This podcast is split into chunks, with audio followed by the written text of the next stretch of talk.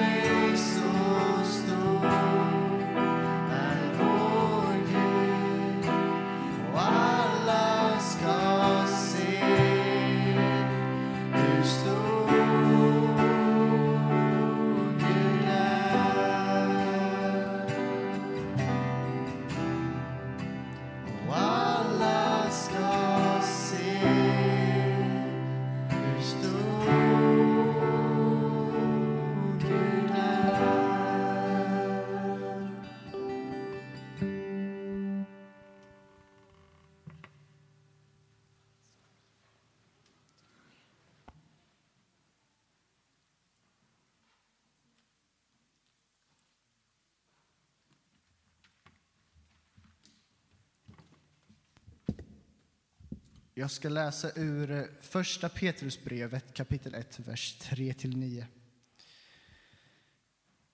Välsignad är vår Herre Jesu Kristi Gud och Far.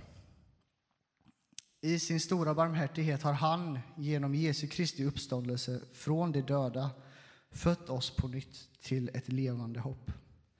Till ett arv som aldrig kan förstöras, fläckas eller vissna och som förvaras åt er i himlen. Med Guds makt bevaras ni genom tron fram till den frälsning som är redo att uppenbaras i den sista tiden.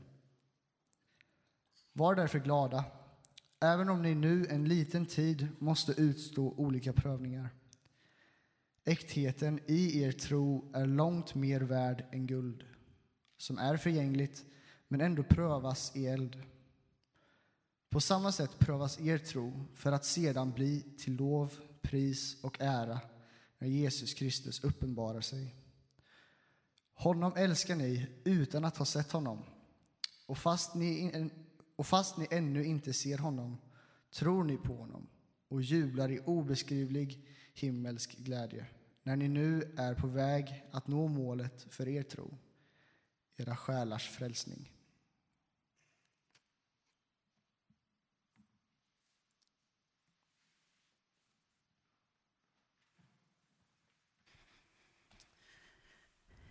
Efter gudstjänsten idag, då hade vi tänkt att vi ska ha mingelfika här ute i kyrktorget, hallen eller vad vi nu vill kalla det. Och efter fikat så kommer vi sen fortsätta ha en samling som vi kallar för Resan fortsätter. Då kommer Daniel Åkerblad att leda oss i den. Han är ju församlingsutvecklare, eh, heter det va? Tror jag, eller någonting sånt. Eller församlingshandledare i alla fall för oss eh, från Equmeniakyrkan region Öst. Så. Daniel kommer i slutet av eh, gudstjänsten göra en liten teaser. Så. Eh, vi har ju haft anmälan för det är sopplunch på den. Men skulle det vara så att du har glömt att anmäla dig och ändå har möjlighet att stanna kvar så får du jättegärna göra det. För vi har beställt några extra portioner så, kommer, så det kommer räcka. Och, och, skulle det bli så att det blir lite tajt så har vi lite panpizza över sen Connect igår. Liksom så. Eller om man är barn och stannar och tycker att panpizza är mycket trevligare än soppa. Då säger man till dem i köket så fixar de det, vet ni. Så, så att det finns plats för fler än de som har anmält sig så att ni vet det om ni har möjlighet att stanna. Tanken är att det ska hålla på ungefär till klockan två. Det där, så blir det lite samtal och så. Men det kommer Daniel mer berätta om vad innehållet är. Eh, vi har sagt att eh, ett rekommenderat pris på ungefär 60 kronor för sopplunch och kyrkfika i ett. Liksom så. Och ni som bara stannar och kyrkfikar i minglet där, ni får ge den gåva ni vill, som ni ungefär brukar kanske på kyrkfika. Sen i veckan som kommer, ja men då samlas ju grupper ungefär som de brukar sådär. Det är väl en ändring här jämfört med missionsbladet att det inte är någon stickkontakten den här veckan. Så. Men annars allt finns på hemsidan och missionsbladet stämmer ofta ganska bra. Så, men dubbelkolla på hemsidan om ni är osäkra, för där uppdaterar vi till det sista. Liksom så. Konfirmanderna åker på hike nästa helg. Det tänker jag, det får ni jättegärna ha med i bön under veckan och vi kommer be för det under bönestunden också. Sen drar ju vårstädningen igång. Det är ju härligt, eller hur? Ni vet säkert vad ni ska göra, men en liten påminnelse om att det är dags och göra kyrkan lite extra fin. Nästa söndag då är vi ju framme till, redan vid den 23 april. Det bara springer iväg våren här. Då är det gudstjänst här igen då, klockan 10. Stig-Arne Tengmer predikar för oss och ett, ett helt annat lovsångsteam, men bra de också, kommer leda oss i sång och musik den söndagen. Sen vill jag gärna dela att vi planerar för att vi ska ha medlemsintagning söndagen den 7 maj. Så finns du här som inte är medlem i Tabergs missionsförsamling och undrar lite vad är det för något då? och varför ska man vara det? Och, ja, men det låter ju lite nyf- det blir jag lite nyfiken på. Prata gärna med mig eller min kollega pastor Kenneth Pettersson om det, om du är lite nyfiken. Och skulle liksom inte 7 maj passa för dig så, så prata med oss ändå, för då hittar vi ju liksom ett datum till som passar för just dig. Så. Vi ska alldeles strax sjunga lite mer lovsång så ni kan göra, ta plats här. Så. Men Under den här sången här nu då finns det möjlighet att ge det som vi kallar för våroffer till församlingen. Det är liksom ett tillfälle där vi kanske funderar på om jag kan ta ett litet extra tag i insamlingen, liksom de där pengarna vi kan ge tillbaka av glädje till Gud för allt det där som Gud har varit med och låtit oss att få. Och ni vet, det finns ju budgetar och grejer och sånt där, men jag tänker att oavsett det så handlar ju givande främst om liksom vad du vill, vad du kan och, och hur du liksom prioriterar. Och jag tänker att det har ju oavsett budgetar ingen annan än du och Gud med att göra. Sen tror jag Gud har liksom varit så smart så han har ju skapat oss så, så att pengar, jag tror till och med det finns forskning på detta, pengar gör oss som mest lyckliga när vi ger bort det till något annat bra. Jag tänker Gud är smart när han har skapat oss. Så, så jag hoppas ju när vi liksom lyssnar till vårt inre vad jag kan ge och att eh, när vi lägger samman det så kommer det räcka riktigt långt. För Gud lägger lite grann på var och en av vårt hjärta. Som vanligt kommer swishnumret upp här på väggen under sångerna här och eh, det finns också möjlighet att ge din gåva kontant på vägen här ut efter gudstjänsten. Nu lovsjunger vi och ger.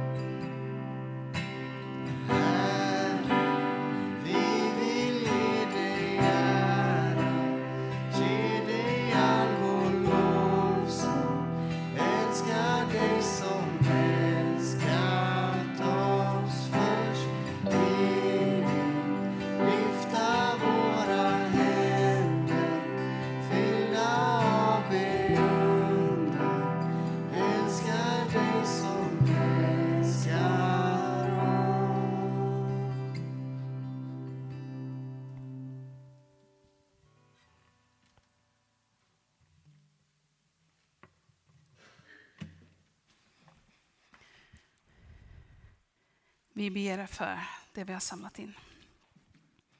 Ja, vi tackar dig Herre, du som har gett oss allt vi har. Herre, nu ber vi för de pengar som vi har samlat in här och nu idag och som vi gör på, samlar in på andra sätt. Vi ber att du ska göra att det här leder till ökad tacksamhet och att pengarna ska räcka till mycket. Och herre, hjälp oss att även inkludera våra pengar i vår tillbedjan till dig. Och på så sätt också få uppleva glädjen i att få vara med och ge. Gör oss Herre till glada givare och gör oss ännu mer generösa på samma sätt som du är så generös emot oss varje dag. Herre, hjälp oss att helt och fullt sätta vår tillit till och förtrösta på dig och inte sätta vår tillit till våra pengar. Amen. Nu ska vi få ett drama av dagens predikotext.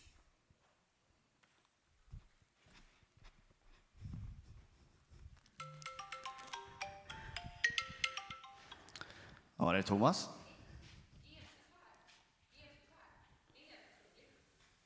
Uh, uh, va? Nej. Jaha. Men... Uh, Han lever. Han var här. Jag är med de andra lärjungarna. Du måste komma. Okej, okay. ja, vi, vi ses. Ja. Hej. Hej.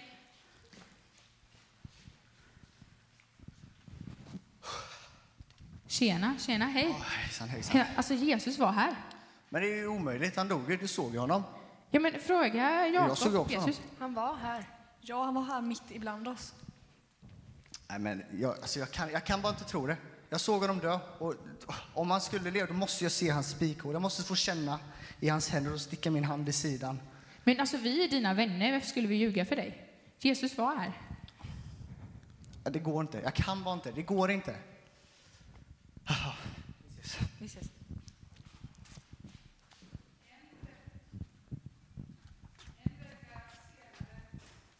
En vecka senare var lärjungarna samlade igen.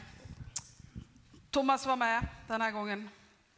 Och då kom Jesus. Trots att dörrarna var liksom helt igenbommade så stod han mitt ibland dem och så sa han. Frid åt er alla.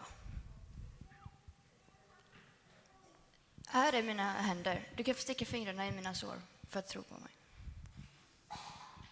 Uff. Min... Min Herre, min Gud. Kolla på alla här som tror utan att ha sett mig. Jättebra att du tror även när, nu när du har sett mig, men kolla på alla i framtiden som tror även att de inte har sett mig.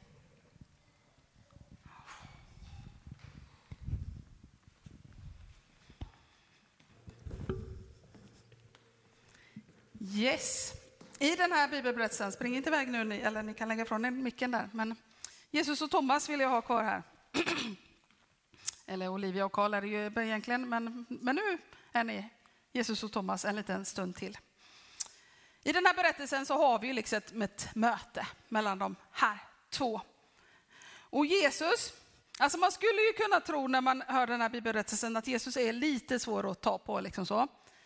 Det luktar ju lite spöke genom att gå genom dörrar sådär liksom. Det gör man ju inte. Eller jag har aldrig gjort det. Någon gång har man hamnat in den kanske, men inte igenom har jag inte lyckats hittills. Men det kunde Jesus. Men eh, samtidigt är det ju liksom det där att, att ta på Jesus, mig, eh, som, som Thomas vill göra här, märker vi. Liksom. Då måste ju finnas någonting att ta på, det förstår man ju.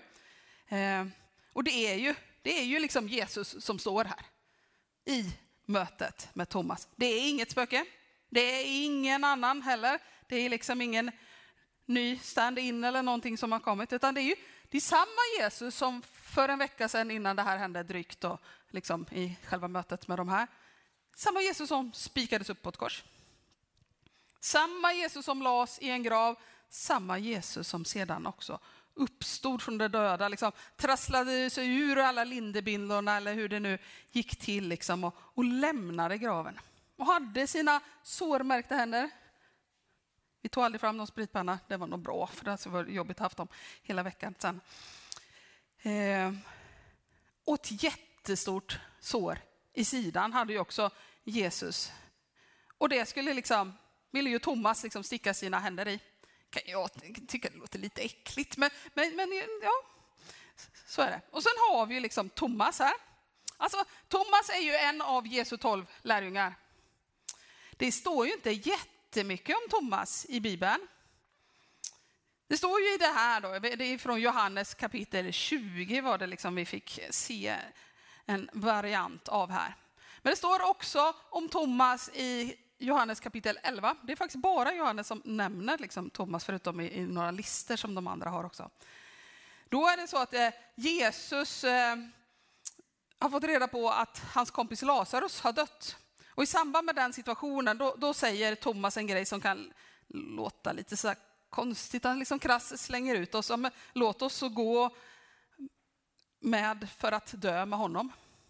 Jag tror honom är Jesus, men det skulle kunna vara Lazarus också. Det är inte jättetydligt i berättelsen. Så. Sen så finns det även i kapitel 14 i Johannes också om Thomas. Och där står det liksom att eh, det är liksom i början av Jesu avskedstal där Jesus börjar liksom prata och säga att eh, vägen dit jag går, den känner ni. Och då svarar Thomas, som vill liksom ha läget under kontroll, han säger, ja men herre, vi vet inte vart du ska gå, säger han. Alltså hur ska vi då känna vägen? Så han liksom, jag tänker att det kan låta lite, småkonstigt de där meningarna som står i Bibeln att Thomas slänger ur sig. Men jag tänker att det känns som att Thomas är ganska hängiven lärjunge. Han är liksom på, han är liksom lojal mot Jesus. Eh, han lyssnar, han försöker förstå, han är frågvis. Jag tänker att Thomas är en ganska nyfiken kille. Han vill liksom veta. Och det återkommer vi liksom lite till här liksom i dagens bibelvers såklart. Och den här killen då, han hade ju oflytet att han missade när Jesus kom första gången. Det, det kan ju inte varit jättekul, eller vad tror du? Nej, nej. Eh, men han fick ju liksom så reda på det liksom så att eh, de andra hade fått möra. Han hade liksom fått, fått höra de andra berätta. Men det räckte liksom inte för Thomas. Och därför tror jag att det är därför han har liksom fått smeknamnet Thomas Tvivlaren. Eh, men jag tänker, jag vet inte om han är en tvivlare. Jag tänker mer att han vill veta. Och jag tycker att det är en liten skillnad mellan att tvivla och vill veta. Han vill veta för att kunna tro. Han vill liksom se med sina egna ögon. Han vill känna på såren som du gjorde. Liksom så, va? Han vill inte bli lurad. Men han kan inte riktigt tro fullt ut innan han fått de där riktigt handfasta bevisen. Som han ju fick i mötet med Jesus. Men han, han hade liksom någon form av kanske checklista som han ville liksom ha, ha uppfyllt. De här, det här vill jag veta liksom innan jag kan tro. Så därför ville han se och känna. Ni kan gå och sätta er så ni också känner att ni kan slappna av och, och lyssna på, på resten av predikan. Tack så jättemycket för att ni var mina liksom, skyltdockor här. Så. Yes. Ja, men Jesus kom ju igen då till lärjungarna i det här mötet. Trots att dörren var helt igenbommad och stängd och låst och sådär, så stod han mitt ibland dem. En vecka efter det där liksom, första besöket hos lärjungarna efter uppstånden så står han där igen. Jag tänker Jesus ler, var liksom god och glad som jag tror att Jesus ofta var. Och så önskar han alla frid. Men sen så sätter Jesus full fokus på Thomas i den här berättelsen. Jag tänker att Jesus vet precis vad Thomas behöver. Han vet vad Thomas längtar efter. Att han längtar efter att få konkreta bevis. Så Jesus ber liksom Thomas räcka fram sitt finger och, och röra vid Jesus sårmärkta händer. Jesus ber Thomas räcka fram handen och sticka den i såret på hans sida. Det där stora såret han har fått för att en soldat har liksom skickat upp en lans i sidan för att kolla om Jesus verkligen var död på långfredagen. Vilket ju den där soldaten konstaterade. Men det blev ett stort sår efter det. Vi vet inte riktigt vad Thomas gjorde på det där. Jag tror ju att han rörde, alltså att han följde liksom Jesus se och rör, liksom, tog det erbjudandet och möjligheten. Det står inte i Bibeln att han verkligen rörde honom, men, men det spelar väl egentligen ingen roll om han gjorde det eller inte. Men han fick sina bevis. Och det är det viktiga, tänker jag, i det fallet. Han fick sin liksom checklista ibockad, det som han behövde för att kunna tro. Men samtidigt där så utmanade liksom Jesus Thomas att inte tvivla, utan att tro. Och en del som är bra på grekiska de säger att man, man ska nog egentligen översätta den där meningen som typ sluta upp och vara icke-troende och bli troende. Nu tror inte jag att Thomas inte trodde på Jesus, liksom, men, men han kanske inte fullt ut kunde tro på uppståndelsen. Att Jesus levde igen. Och i det där ögonblicket som vi fick se här när Karl illustrerade genom att han föll på sina knän, då, då hände det någonting i Thomas. Hans otro vändes till en tro. Hans tro till och med blommade fullt ut i det där sammanhanget. För Thomas bekänner då Jesus som min Herre och min Gud. Jag vet inte vad ni tänker efter de orden, men jag tänker att det här är det typ mäktigaste som står i hela, hela Bibeln nästan. Alltså det är så mäktiga ord när någon, liksom, en person i alla fall i första gången i Johannes evangeliet faktiskt bekänner Jesus som Gud. Lite kuriosa kan jag ju säga att om jag någon gång liksom får Jehovas vittnen knacka på dörren hemma och de vill prata, så kan jag ju säga att det här är det bibelordet jag vill prata om, för det har de lite svårt för. För de tänker ju inte att Jesus är Gud, men det tänker jag och det gjorde definitivt Thomas i den där situationen. I början av Johannes evangeliet i första kapitlet som vi läste här på långfredagen var det va? Du läste den? Nej, palm, palmsöndagen kanske det var. Ja, någon gudstjänst nyligen har ni fått höra det om ni har varit här ofta. Då står det ju där i första kapitlet i första versen i Johannes. I begynnelsen fanns ordet och ordet fanns hos Gud och ordet var Gud. Och med ordet menar Johannes Jesus. Och i vers 18 står det också om den enda sonen, själv Gud. Och i den här liksom bekännelsen av Thomas inför Jesus så erkänner han ju liksom, Jesus är Gud. Samtidigt som ju Thomas får vara med och känna och klämma på och, och få bekräftat att Jesus är ju fortfarande också den där uppståndna, sårmärkta människan av kött och blod som stod framför Thomas. Den där roliga ekvationen som finns i Bibeln där liksom 100% Gud plus 100% människa blir 100% Jesus.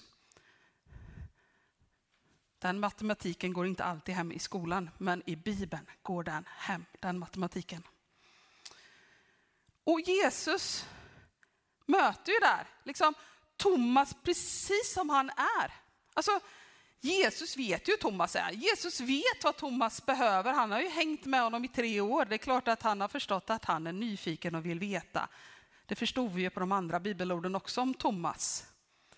Och då i det där upp, tillfället där han kommer tillbaka en gång till så att även Thomas får se så uppfyller han ju liksom de där kraven Thomas har.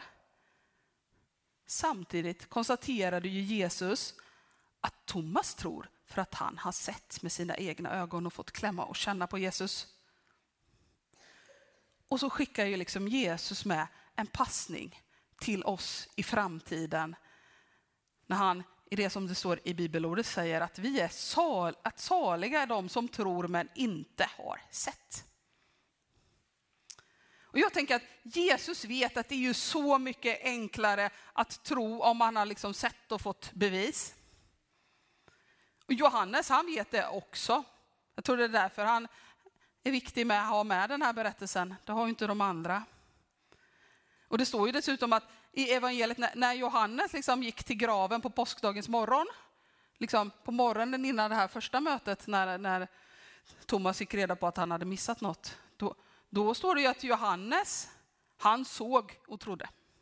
Alltså han såg linnebindlarna ligga där inne och då var det enklare för honom att tro. För det är så mycket enklare att tro om man får se. Jag har ett favoritbibelord. Berättade det här för, ni var nog med allihopa nästan va? På K2 i onsdags. Där det i Hebreerbrevet 11.1 står, tron är grunden för det vi hoppas på, det ger oss visshet om det vi inte kan se.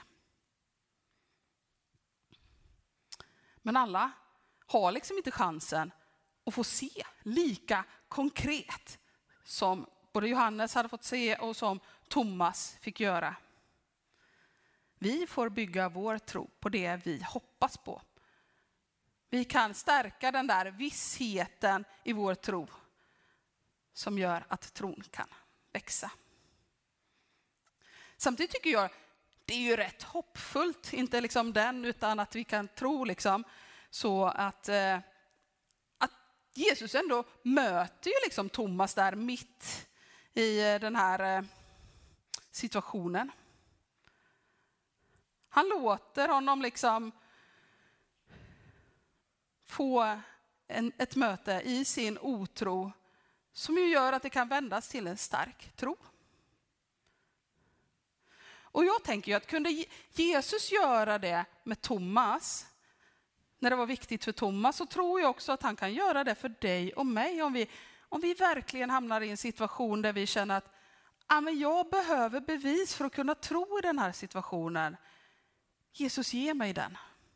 Då tror jag att Jesus kan också komma och möta dig och mig i den längtan. Han kan komma oss till möte på olika sätt idag.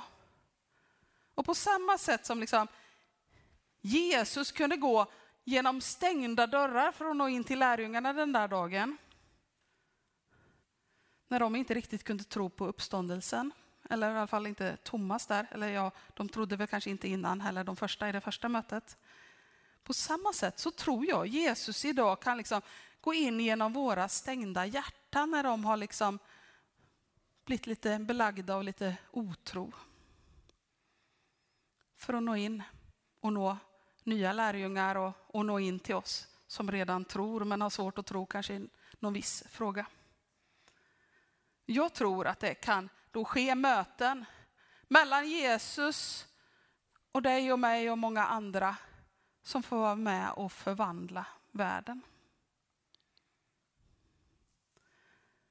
För möten med Jesus, de kan vända otro till tro. Och då kan det ge nytt liv. Men lyckas vi med liksom att tro utan att se då liksom konkret, ja, då är det något riktigt bra. Alltså Jesus sa att då är vi saliga. Och jag måste erkänna att jag vet inte riktigt vad salig betyder, men jag förstår att det är något riktigt bra i alla fall. Jag har liksom ingen bra synonym, liksom, jag kan inte översätta det så bra. Men det är, vi är liksom välsignat lyckligt lottade på något sätt. Jag kommer inte närmare i någon översättning av ordet salig. Men det är bra, det förstår jag. Så. Och, och då kan vi... Jag har tappat bort mitt manus, var är vi? Ja. Eh, då så kan vi också få tro. Eller när vi tror så kan vi få vara så där glada. Sedan så avslutar Johannes, som vi inte hade med i själva dramat här i kapitel 20, med orden och många tecken som inte har tagits med i denna bok gjorde Jesus i sina lärjungars åsyn.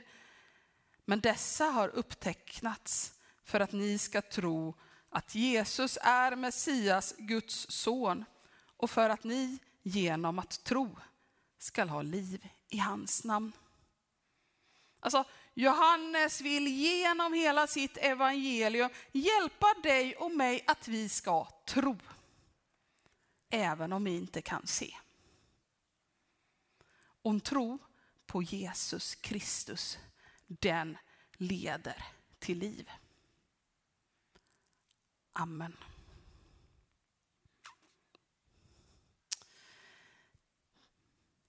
Vi ska nu gå in i en stund när vi ska ha bön. Vi ska ha lovsång. Du kan få sjunga med i den. Du kan få ställa dig upp och sjunga om du känner det är ditt sätt att, att tillbe Gud. Du får sitta i bänken, du kan, kan få be, men du kan också få gå runt lite i gudstjänstlokalen. Det är väl extra härligt för er barn kanske som börjar springa i benen, eh, kanske. Det tror jag det är i några av de här också faktiskt, om jag ska vara riktigt ärliga. För då har vi liksom gjort några bönestationer. Vi har de vanliga liksom, där med ljuständning och man kan skriva bönelappar. De finns. Jag kommer sitta där, man kan få personlig förbön eller vi kan be för eller om någonting tillsammans. Men jag har också förberett två bönestationer som ni som var med på barnkörlägret känner igen. För då finns nämligen möjligheten att längst bak där borta står det Jag vill tacka för, står det. Där kan man liksom ta en notis på, på den där liksom psalmbokshållaren och skriva ett tacksägelseämne, något man, man är glad för, något man vill tacka Gud för och så smackar man upp den liksom på väggen. Det är tacksägelseämnet. Och så har jag massor med färgglada pärlor här nere. De är inte riktigt i, i, i jag som har lite ont i, i ryggen just nu, höjd. Men vi får väl hjälpa varandra, eller be ett barn att ta en pärla åt dig om du behöver hjälp och inte nå ner. Liksom så. Då kan man liksom ta en pärla, nu går jag ner och tar den här då. Tar jag en rosa här, till exempelvis. Den symboliserar just rosa sjukdom och smärta. Då kan jag ta en, om, om jag har någonting i mitt liv eller, eller någon annans som jag vill liksom, någon är sjuk kanske, så vill jag liksom tänka och be för den. Då kan man ta en sån pärla så kan man lägga den i vasen här. Så. Och då finns det liksom ämne skola, jobb, funkar även för pensionärer tror jag. Ni, har, det, det, ni jobbar ju med något också, även fast ni inte har en anställning just nu. Oro och bekymmer är gula. Framtid, världen är lila. Familj och vänner blå. Förlåtelse och förlåt är orange och sen var det sjukdom och smärta. Kan man ta en pärla och lägga där för det böneämnet man bär på just idag. Så helt okej okay med liv och rörelse, helt okej okay att stå upp och sjunga vad ni vill och så leder de här i två lovsånger under den här stunden. Sen samlar vi ihop en liten bön. Ber också kort innan vi sjunger. Ja, kom Herre. Kom och var oss nära i den här stunden och kom helige Ande. Kom och var med. Rör vid oss. Hör våra böner. Amen.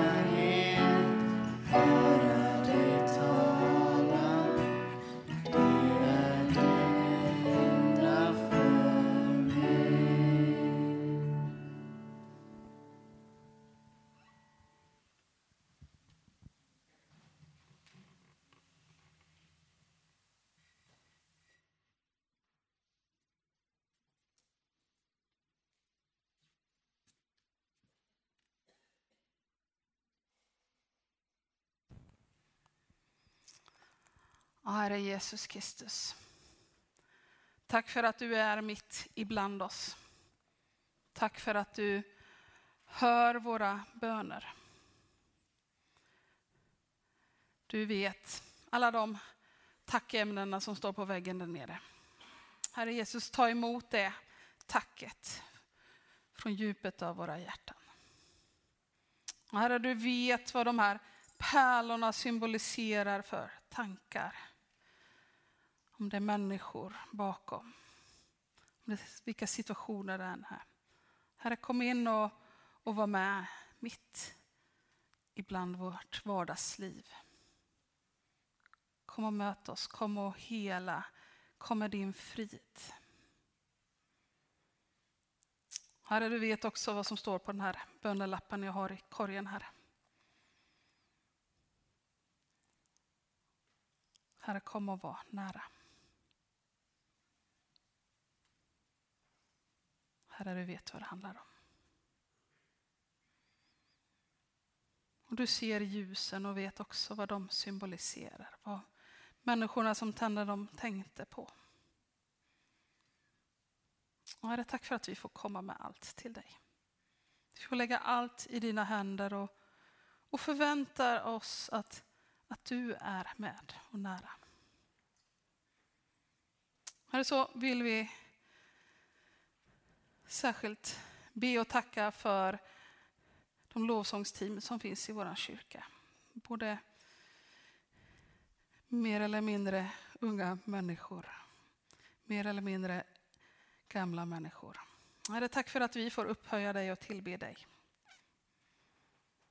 Herre, jag vill särskilt be för de här ungdomarna och några andra ungdomar som håller på att utveckla sin gåva att tillbe dig genom lovsången. Få vara med och leda oss andra i det. Herre, hjälp oss att uppmuntra det. Herre, hjälp oss att se vilken tillgång det kan vara för oss alla.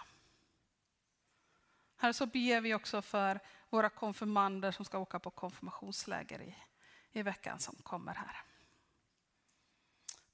Herre, vi ber att du ska vara med på resan ner till Gullbrannagården och att du ska vara med under de fredag, lördag, söndag där.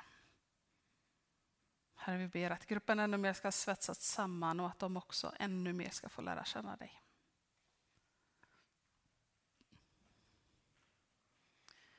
Vi ber också för den samling vi har här efter om församlingsutveckling. Vi ber att det ska bli goda samtal. Herre, vi ber att, och tackar för att du har lagt goda tankar i Daniels hjärta. Herre, var med i den samlingen. Amen.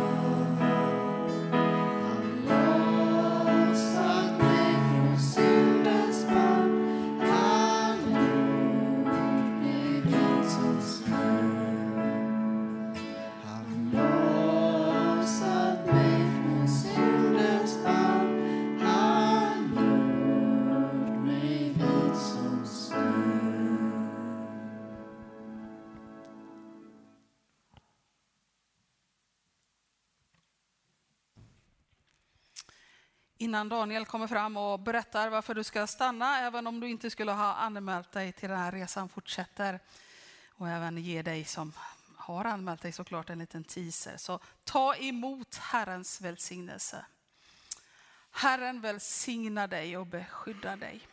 Herren låter sitt ansikte lysa mot dig och visa dig nåd.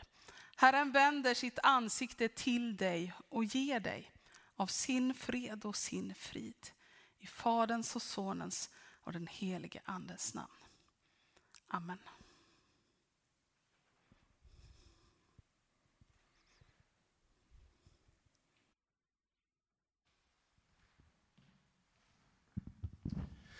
God förmiddag på er allesammans. Och jag tror att de flesta känner igen mig, men om du inte gör det så heter jag Daniel Åkerblad. Och jag jobbar som församlingsutvecklare i Ekumenia kyrkan. Och det handlar om att jag försöker hjälpa församlingar i olika situationer och eh, lägen. Och jag följer ju er församling här i Taberg. Och det är jätteroligt och intressant och spännande att få göra det. Och idag så har vi en stund nu eh, tillsammans. Här ute tror jag vi ska vara. Det kommer finnas mat och så kommer vi Dels jag får dela lite tankar med er eh, om var någonstans ni befinner er på den här resan. Och så kommer ni få samtala med varandra i mindre grupper. Så det är en väldigt viktig dag och vad ska man säga, samling den här stunden som vi nu har. Så jag hoppas att du har möjlighet att stanna kvar och vara med och bidra in i den här resan. Är det någon annan pålysning jag ska göra? Nej. Nu är det lite kaffe och så på torget och sen så kommer ni höra att ni är välkomna in till den stora serveringslokalen.